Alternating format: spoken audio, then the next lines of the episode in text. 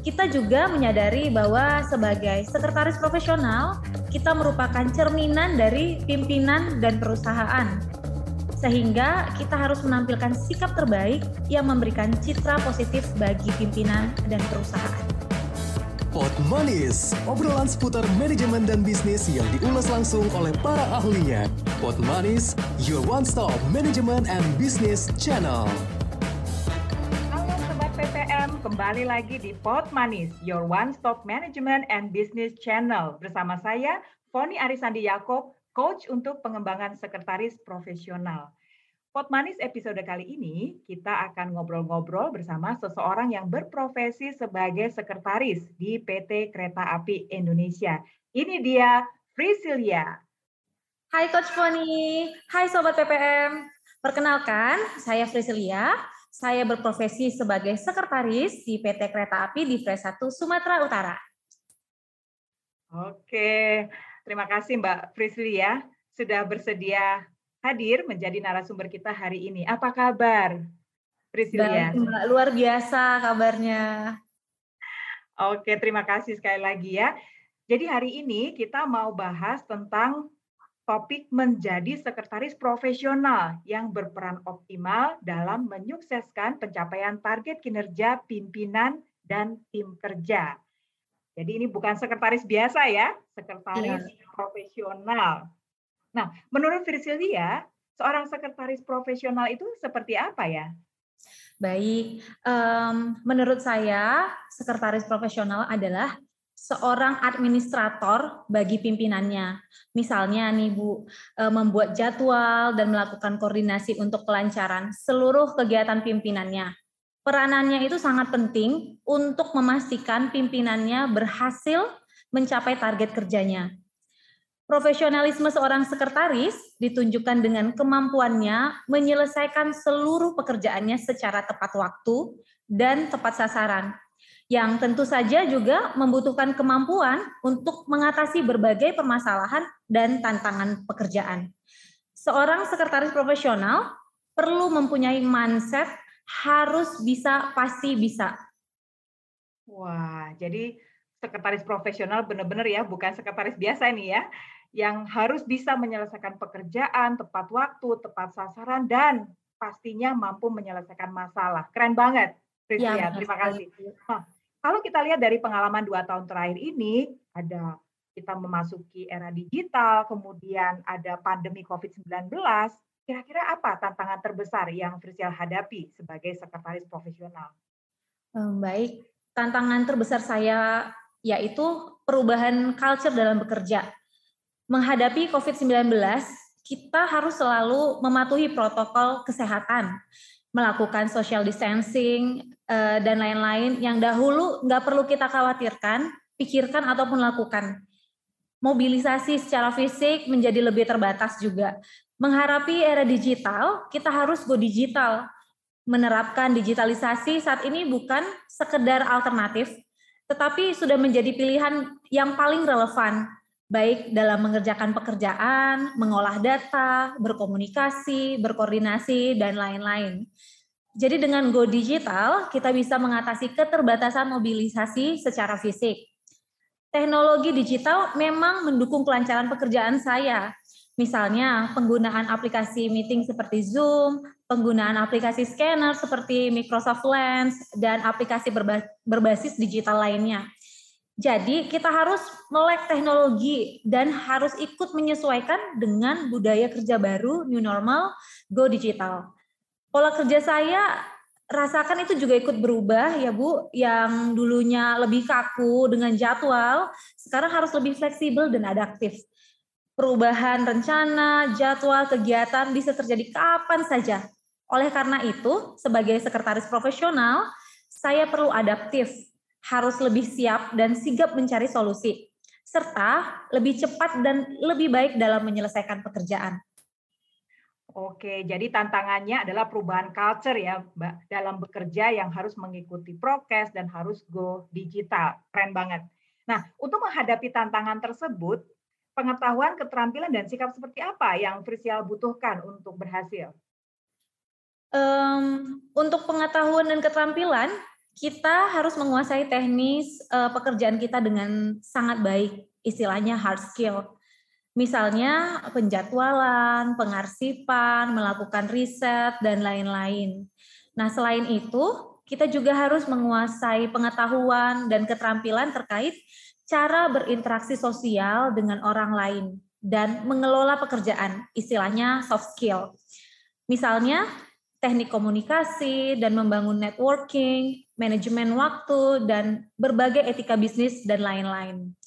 Soft skill sama pentingnya dengan hard skill, karena pekerjaan sekretaris profesional pasti terkait dan membutuhkan kerjasama dengan orang lain. Misalnya dengan pimpinan, rekan kerja, dan kolega dari lingkungan eksternal perusahaan semakin baik interaksi sosial dengan orang lain, maka kerjasama akan semakin lebih baik sehingga hasil kerja akan maksimal.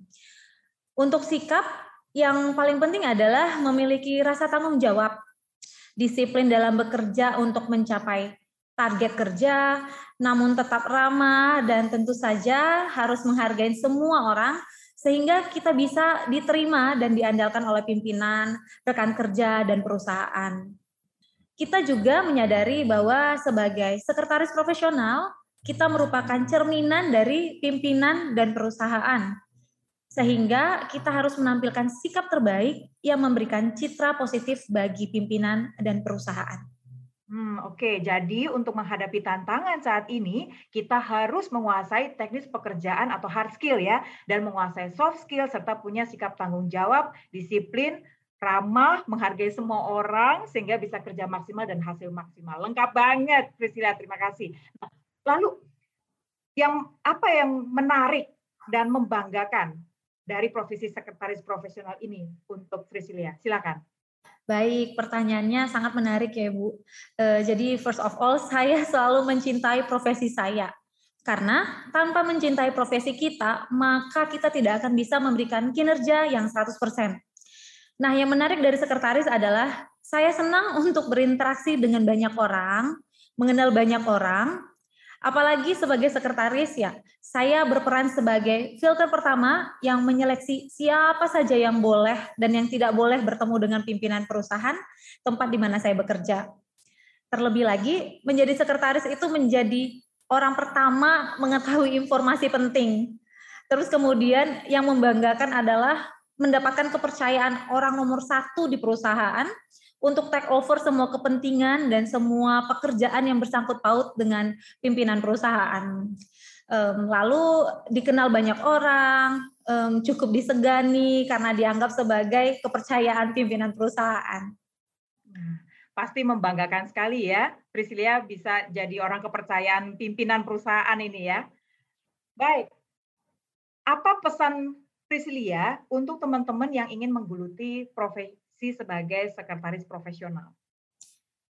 Baik, um, pesan saya buat teman-teman yang ingin menggeluti profesi sekretaris profesional adalah jangan ragu dan jangan takut menggeluti profesi ini. Profesi sekretaris profesional adalah profesi terhormat yang memiliki peran penting bagi kesuksesan seorang pemimpin dan dengan demikian memiliki peran penting bagi kesuksesan perusahaan.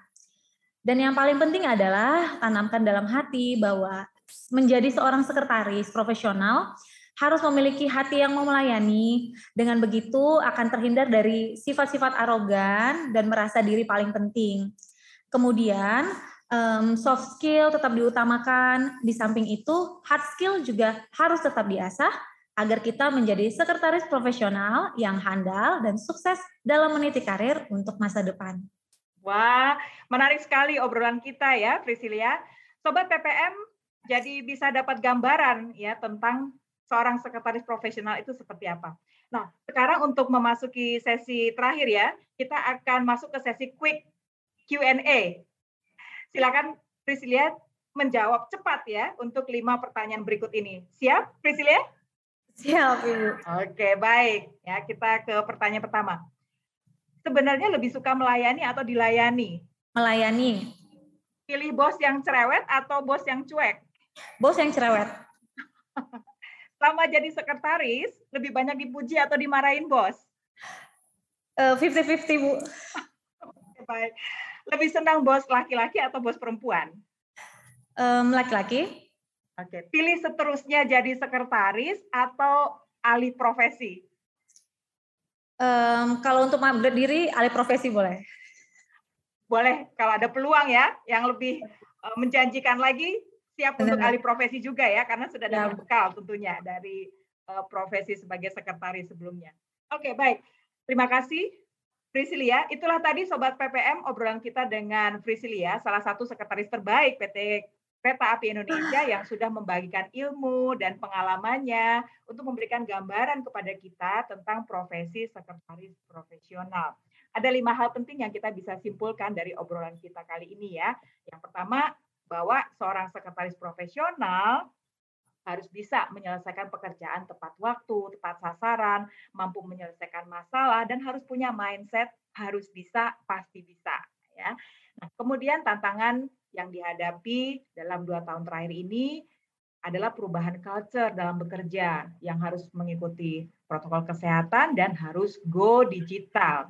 Nah, untuk menghadapi tantangan tersebut, kita harus menguasai teknis pekerjaan atau hard skill dan menguasai soft skill, serta harus punya sikap tanggung jawab, disiplin, ramah, menghargai semua orang supaya bisa kerja maksimal dan hasil maksimal.